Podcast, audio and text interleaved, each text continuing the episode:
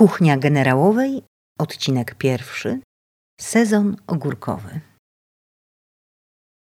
Legendarny sezon ogórkowy to pora, kiedy ponoć nie dzieje się nic ważnego, poza kiszeniem ogórków.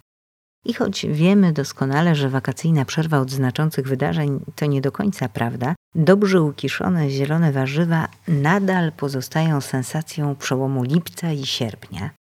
Doskonale spreparowane będą osłodą zimowych miesięcy jako dodatek do pajdy własnoręcznie upieczonego chleba, posmarowanego oczywiście staropolskim smalcem, no, być może przygotowanym w wersji dla wegan. By kiszone ogórki były naprawdę smaczne i przetrwały całą zimę, warto sięgnąć po sprawdzony przepis.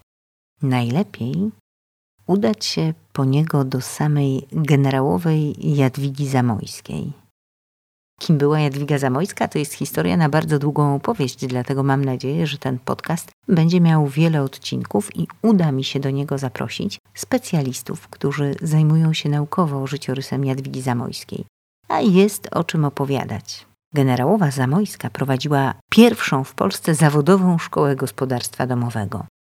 Gospodarczy i kulinarny kunszt jej wychowanek równać mógł się z dokonaniami legendarnej Ćwierciakiewiczowej, w odróżnieniu jednak od powszechnie znanej XIX-wiecznej ikony stylu zarządzania domostwem, Jadwiga Zamojska nigdy nie zabiegała o rozgłos czy tworzenie wokół siebie aury idealnej gospodyni domowej, chociaż gorliwie zachęcała do numerowania ściereczek służących do porządków i dokładnie określała w swoim podręczniku, pod jakim kątem w stosunku do nogi osoby obierającej warzywa powinna stać rynienka na obierki by zachowana była właściwa ekonomia pracy pozwalająca na oszczędzanie czasu i energii.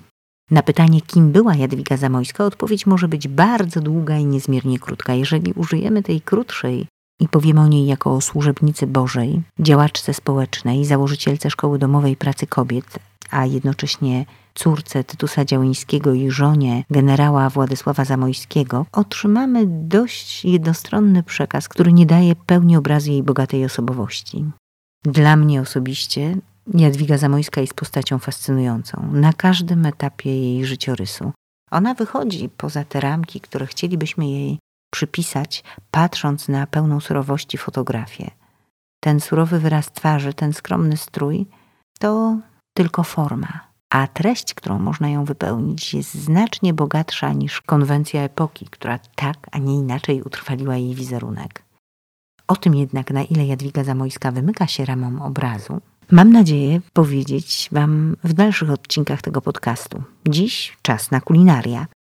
Chciałabym, abyście wraz ze mną przyjrzeli się tej niezwykłej postaci właśnie od kuchni poznając przepisy kulinarne z podręczników służących do nauki wychowankom prowadzonej przez nią Szkoły Domowej Pracy Kobiet i samą postać generałowej nieco bliżej.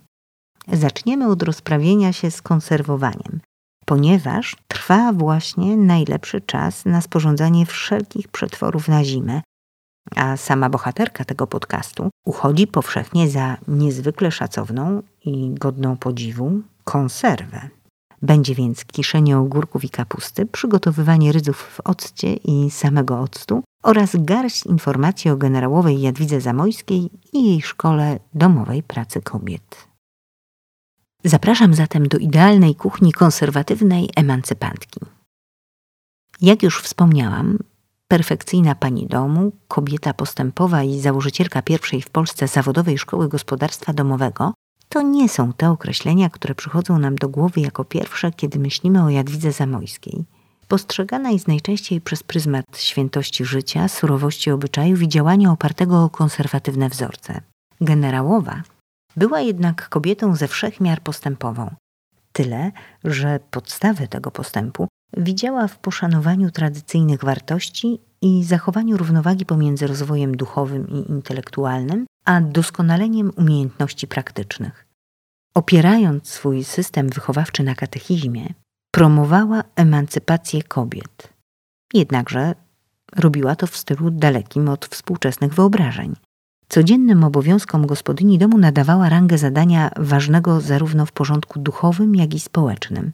Jakże to podobne i różne zarazem w porównaniu do założeń Ćwierciakiewiczowej, która z codziennych obowiązków kobiety chciała uczynić dyscyplinę sztuki i przedmiot studiów.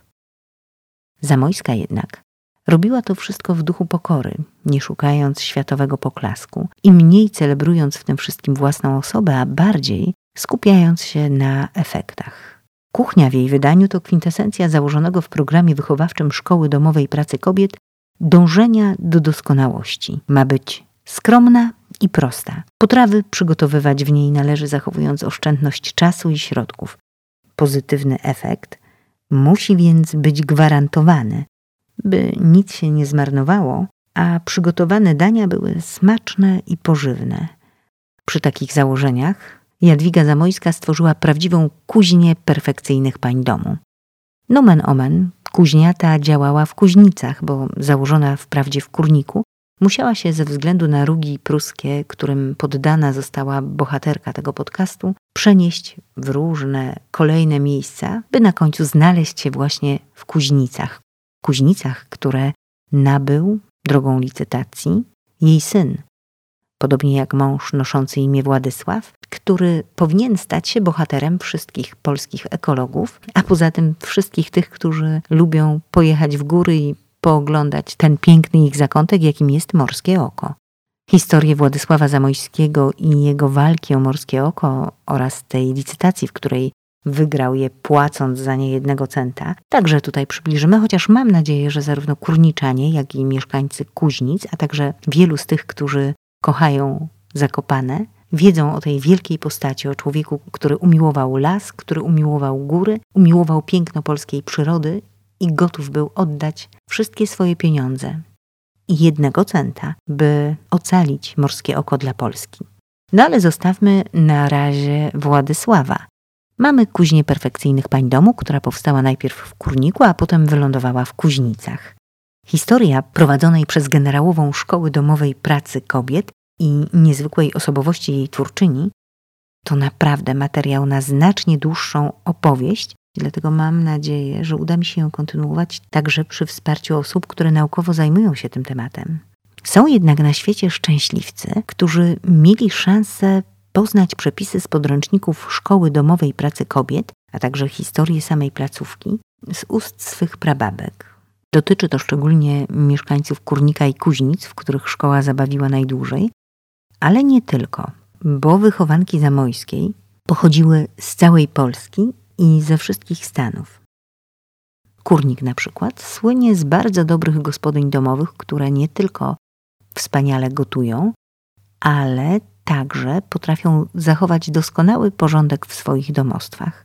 I właśnie te prowadzące wzorowo domowe gospodarstwa antenatki kurnickich rodzin, żyjących w tym należącym niegdyś do zamojskich miasteczku z dziada pradziada, bardzo często chlubiły się uczęszczaniem do tej elitarnej, nowoczesnej wówczas placówki. Zresztą wiele stosowanych jeszcze dzisiaj w kurniku przepisów kulinarnych i sposobów dbania o porządki domowe wydaje się być żywcem zaczerpniętymi z podręczników stosowanych w szkole domowej pracy kobiet.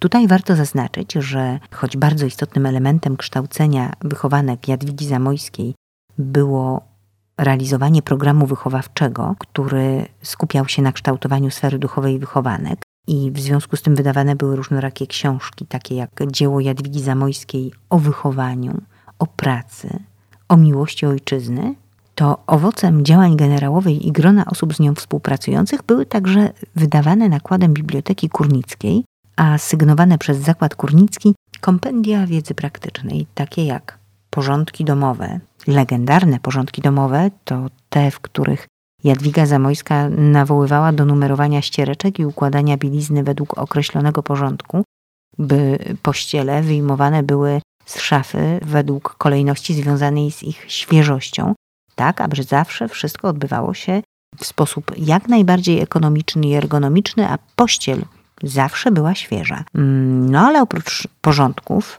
opracowane zostały w formie podręczników piekarstwo, mleczarstwo, no i przepisy spiżarniane. I właśnie przepisy spiżarniane są bohaterami naszego dzisiejszego odcinka. No bo czy może być coś lepszego niż kiszone ogórki?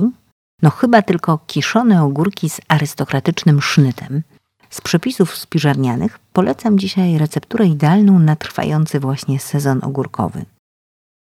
Co ważne, ze zdumieniem odkryłam, że jest ona identyczna z tą, jaką stosuje jedna z miejscowych rzemieślniczych rodzin mieszkających w kurniku od wielu pokoleń.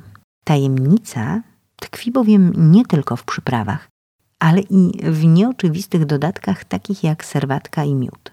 Te dodatki są nieoczywiste tak długo, dopóki nie spojrzymy na blogi poświęcone kiszonkom, które mnożą się ostatnio jak grzyby po deszczu i cała społeczność osób zafascynowanych kiszonkami jest dosyć duża. I tam zdarzają się informacje o tym, że do kiszonek dodawana jest serwatka i miód. I wyjaśnienie tego dodatku jest e, dosyć e, proste. Mianowicie dodanie serwatki sprawia, że fermentacja mlekowa zachodzi znacznie wcześniej. Dodanie miodu doskonale wpływa na smak kiszonych ogórków, ale także wpływa na szybkość fermentacji. Przy czym jednak bardzo ważne jest to, aby zachować właściwe proporcje miodu wobec solanki, dlatego że jeśli będzie wystarczająca ilość słonej wody, to będzie dochodziło do fermentacji mlekowej. Natomiast jeśli wrzucimy do naszych kiszonych ogórków zbyt wiele miodu, okaże się, że zamiast fermentacji mlekowej nastąpi fermentacja alkoholowa i będziemy mieć zwyczajnie pijane ogórki, a nie to jest naszym celem i nie to było celem generałowej. Ona w swoim przepisie podaje bardzo dokładne proporcje miodu i należy się ich zdecydowanie trzymać. Dziś zastanawiać się można, czy to w szkole domowej pracy kobiet inspirowano się lokalnymi zwyczajami kulinarnymi, czy też odwrotnie. Przepisy te utrwaliły się wśród kurniczan, ponieważ miejscowe dziewczęta ukończyły kurs gospodarstwa domowego pod okiem generałowej. Pozostawiam to pytanie w zawieszeniu. Tymczasem zapraszam na obiecane ogórki według przepisu znanego z pewnością przez wychowanki zamojskiej. Z zaciekawieniem, myśląc o tym, w ilu kurnickich domach przygotowywane są w taki właśnie sposób. Jak wiadomo, generałowa Zamojska nie lubiła byle jakości w żadnej dziedzinie życia, więc aby przepis był udany, wszystko musiało być od A do Z y, dobrze przemyślane. I bardzo ważnym elementem takiego przepisu było odpowiednie przygotowanie naczyń do kwaszenia. To była już połowa sukcesu. Beczki przeznaczone do kwaszenia ogórków należy poprzednio przewietrzyć, wyszorować i wyparzyć. Ponieważ niedopuszczenie powietrza ważnym jest czynnikiem stanowiącym o trwałości ogórków, najlepsze są do kwaszenia ogórków beczki opatrzone dwoma dnami. W górnym dnie znajdować się powinien otwór z dobrze dopasowanym do zamykania kołkiem. Po starannym przygotowaniu naczyń do kiszenia Przechodzimy teraz do istoty sprawy i dowiadujemy się z przepisów spiżarnianych, że do kwaszenia ogórków potrzebne są liście dębowe i wiśniowe, koper kwitnący, kolender, czosnek, gorczyca, pieprz turecki, miód, serwatka i 10% roztwór słonej wody. I tutaj bardzo istotne to, o czym mówiłam wcześniej, czyli proporcje pomiędzy miodem a innymi składnikami, pozwalające na wzmocnienie fermentacji mlekowej bez ewentualnego rozpoczynania fermentacji alkoholowej w ogórkach. Na beczkę średniej wielkości trzeba wziąć 5 łyżek miodu, pół szklanki serwatki, 6 garści kolendru utłuczonego z czosnkiem i 3 garście gorczycy. Jeżeli korzystamy z mniejszych naczyń, czeka nas niezła zagwostka z dopasowaniem odpowiednio proporcji do wielkości naczynia, którym dysponujemy, no ale to myślę, że nie będzie problemem dla wszystkich, którzy jako takim zmysłem kuchennym i matematycznym mogą się wykazać. I teraz oczywiście, jak zwykle u generałowej, ważne wskazówki higieniczne, które mają bardzo duży wpływ na to, czy kiszone ogórki będą udane i trwałe. Przed robotą należy liście i koper dobrze wymyć w ciepłej wodzie. Ogórki świeżo zerwane przebrać, usunąć poobijane, włożyć do ciepłej wody i dobrze szczoteczką wyczyścić. Następnie układać je do beczki, wyłożywszy poprzednio dno liśćmi i koprem. Po ułożeniu pierwszej warstwy ogórków dać garstkę kolendru zmieszanego z czosnkiem i gorczycą. Ułożyć znowu warstwę liści i kopru i tak postępować, póki beczka nie będzie pełna, uważając, by ostatnia warstwa składała się z liści i kopru. Gdy beczkę zapełnimy, wlać 10% roztwór wody słonej, do której należy dodać miód i serwatkę przecedzoną. Woda słona powinna obejmować całą zawartość beczki. Po zalaniu ogórków słoną wodą beczkę zamknąć kołkiem. Na drugi dzień zajrzeć do ogórków i dolać słonej wody, jeśli opadła. Powtarzać to przez kilka dni. Po kilku dniach kołek zalać parafiną i trzymać beczkę w zimnym miejscu.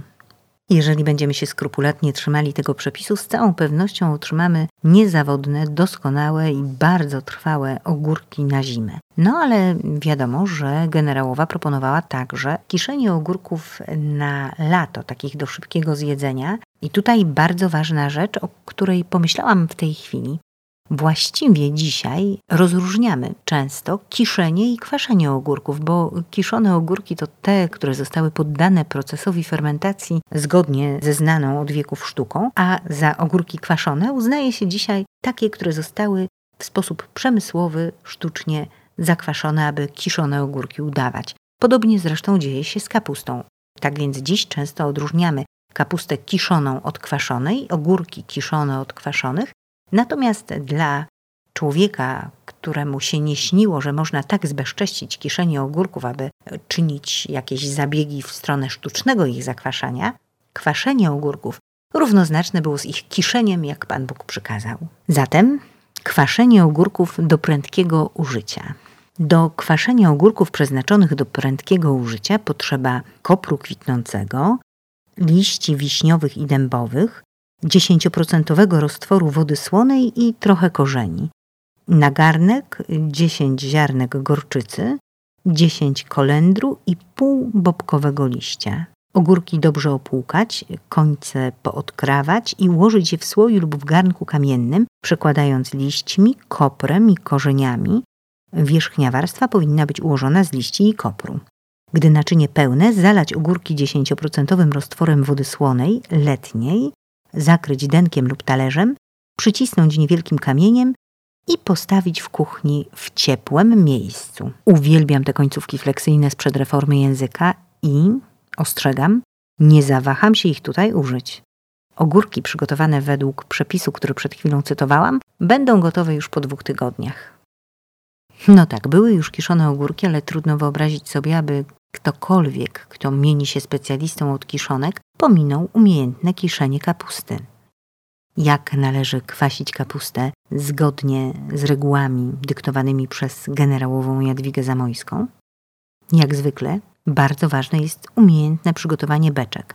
I znów, beczki przeznaczone do kwaszenia kapusty powinny być porządnie przewietrzone, wyszorowane i wyparzone gotującą wodą, do której się wrzuca rozpalone kamienie. W każdej beczce u samej góry znajdować się powinien niewielki otwór średnicy 1,5 cm i dopasowana do niego rurka drewniana długości 20 do 25 cm. Dno beczek wysłać należy liśćmi od kapusty.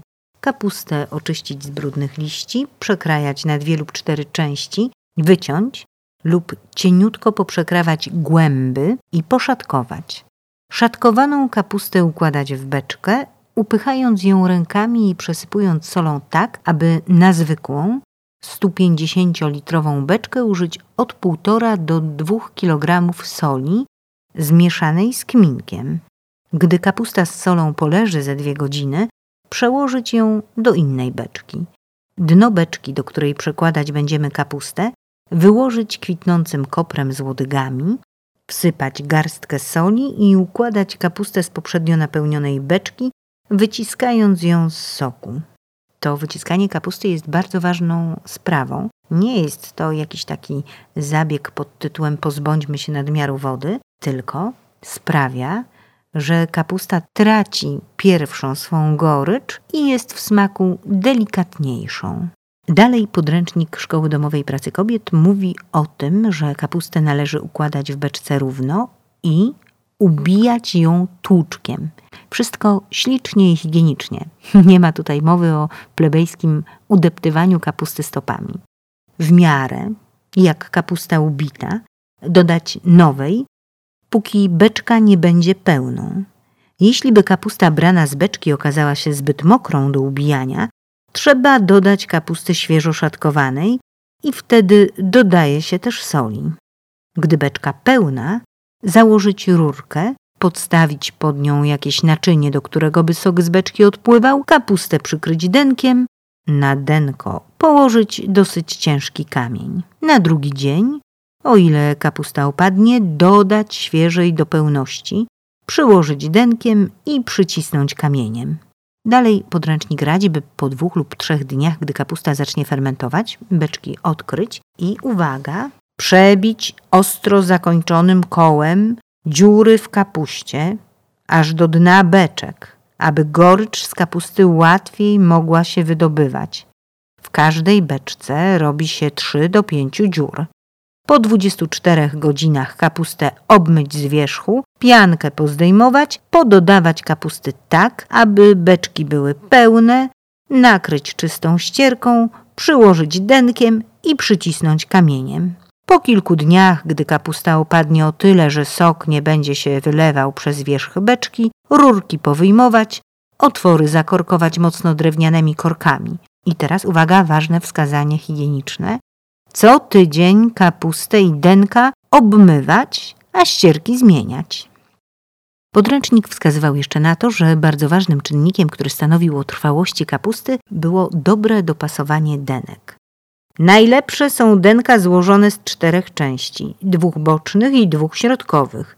Środkowe części nie są równe, jedna węższa i krótsza, druga dłuższa i szersza, aby je zmieniać można w miarę jak kapusta opada.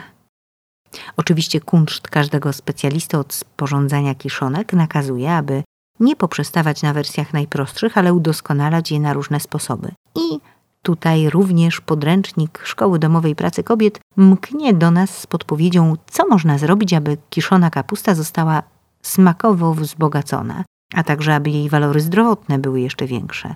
Prócz soli można do kwaszenia kapusty dodać kminku, marchwi, buraków i jabłek. Jeśli się kwasi kapustę z burakami, trzeba poprzednio buraki obrać, opłukać, pokrajać w plasterki i dodawać do kapusty w czasie ubijania. Tak samo przygotować jabłka i marchew. Uważać należy, aby kapusta zawsze pokryta była sokiem.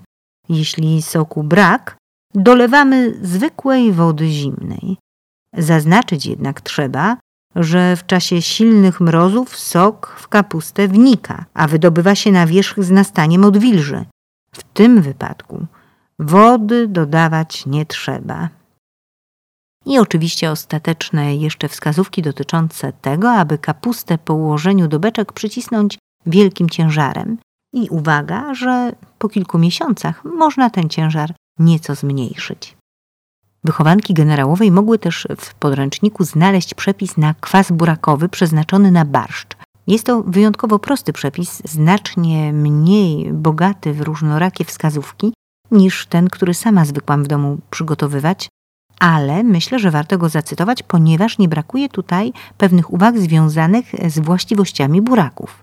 Buraki obrać, opłukać, pokrajać w plasterki i napełnić nimi 3 czwarte beczki. Następnie zalać je zimną przygotowaną wodą. Gdy woda skwaśnieje, używać jej na barszcz.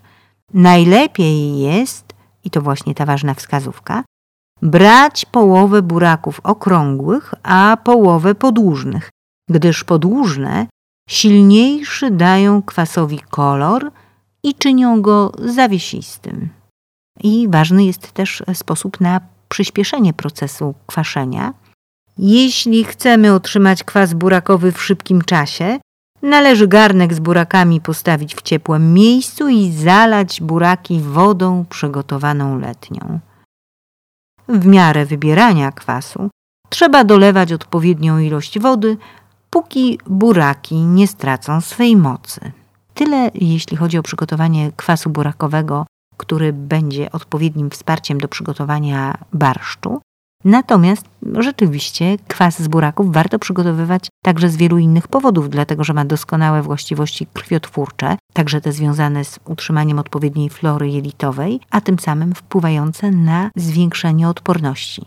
Oczywiście kwas e, buraczany przeznaczony do bezpośredniego spożycia można wzbogacić różnorakimi przyprawami. Ja na przykład sama dodaję wiele różnych przypraw typu ziele angielskie, pieprz, czosnek, liść laurowy i kolendra.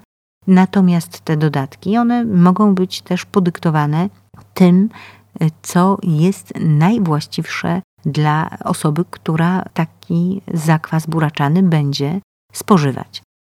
Szczerze polecam. Polecam też buraki podłużne, jak tutaj wskazuje podręcznik, bo wtedy będzie to znacznie przyjemniejsza do spożycia zawiesina, która ma piękny rubinowy kolor. To, co byłoby też istotne, to wspomnienie o tym, że kwasić, ci wszyscy zafiksowani na punkcie kiszonek o tym doskonale wiedzą, można wszystko. I ja na przykład do takiego słoika z zakwasem buraczanym wrzucam marchewki, pietruszki, kawałek selera i to wszystko nabiera wyjątkowego wprost aromatu. A poza tym jak smakuje, polecam. Na zakończenie dwa jeszcze przepisy. Jeden będzie zapowiedzią kolejnego programu, którego tematem będą różnorakie warzywa i owoce marynowane w occie. Drugi to prawdziwy rarytas, do którego sporządzenia potrzebne będzie solidne grzybobranie i nieco szczęścia, jeśli chodzi o polowanie na rudego rydza.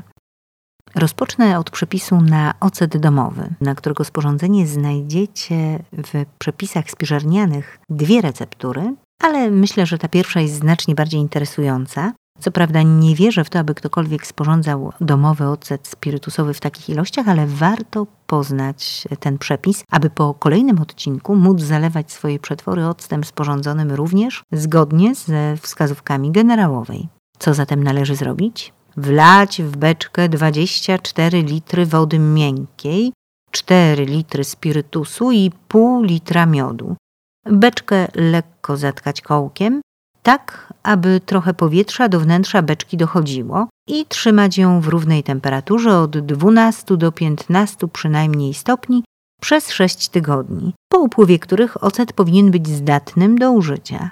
Bardzo ważna jest też wskazówka, co zrobić, aby ten ocet miał właściwy koloryt.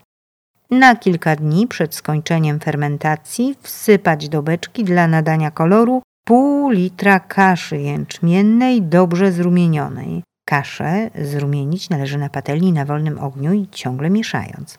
Gdy ocet dostatecznie kwaśny, zlać go do gąsiorka i wynieść do piwnicy. No i tak sporządzonym octem można potem marynować różnorakie potrawy, o których mówić będę w kolejnym odcinku podcastu.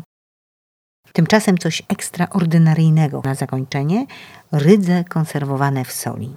Na tę konserwę używa się rydzów średniej wielkości i małych. Cóż należy zrobić? Odkroić ogonki, wytrzeć każdy rydz suchą ścierką, posolić wysuszoną solą i ściśle układać w kamienny garnek, słój lub drewnianą beczułkę. Gdy szczelnie ułożone, przykryć denkiem i przycisnąć kamieniem. Wierzch zawiązać papierem lub przykryć denkiem i postawić w miejscu suchym i chłodnym. Przed użyciem namoczyć na pół godziny w wodzie i usmażyć lub podać jako sałatę z oliwą i octem. Nie wiem jak wy, ale ja mam już przed oczyma i przed kubkami smakowymi wyobrażenie tej doskonałej sałaty z oliwą i octem oraz rydzami w roli głównej. I takich właśnie smakołyków e, Wam wszystkim życzę. Polecam kuchnię generałowej. Kolejny odcinek już wkrótce. Jeżeli spodobało Wam się to, co tutaj zostało powiedziane, zachęcam do zasubskrybowania tego kanału, kliknięcia łapki w górę i słuchania kolejnego odcinka. Podcast Kuchnia Generałowej przygotowany został w ramach projektu Historia pisana głosem, realizowanego ze środków Fundacji Zakłady Górnickie.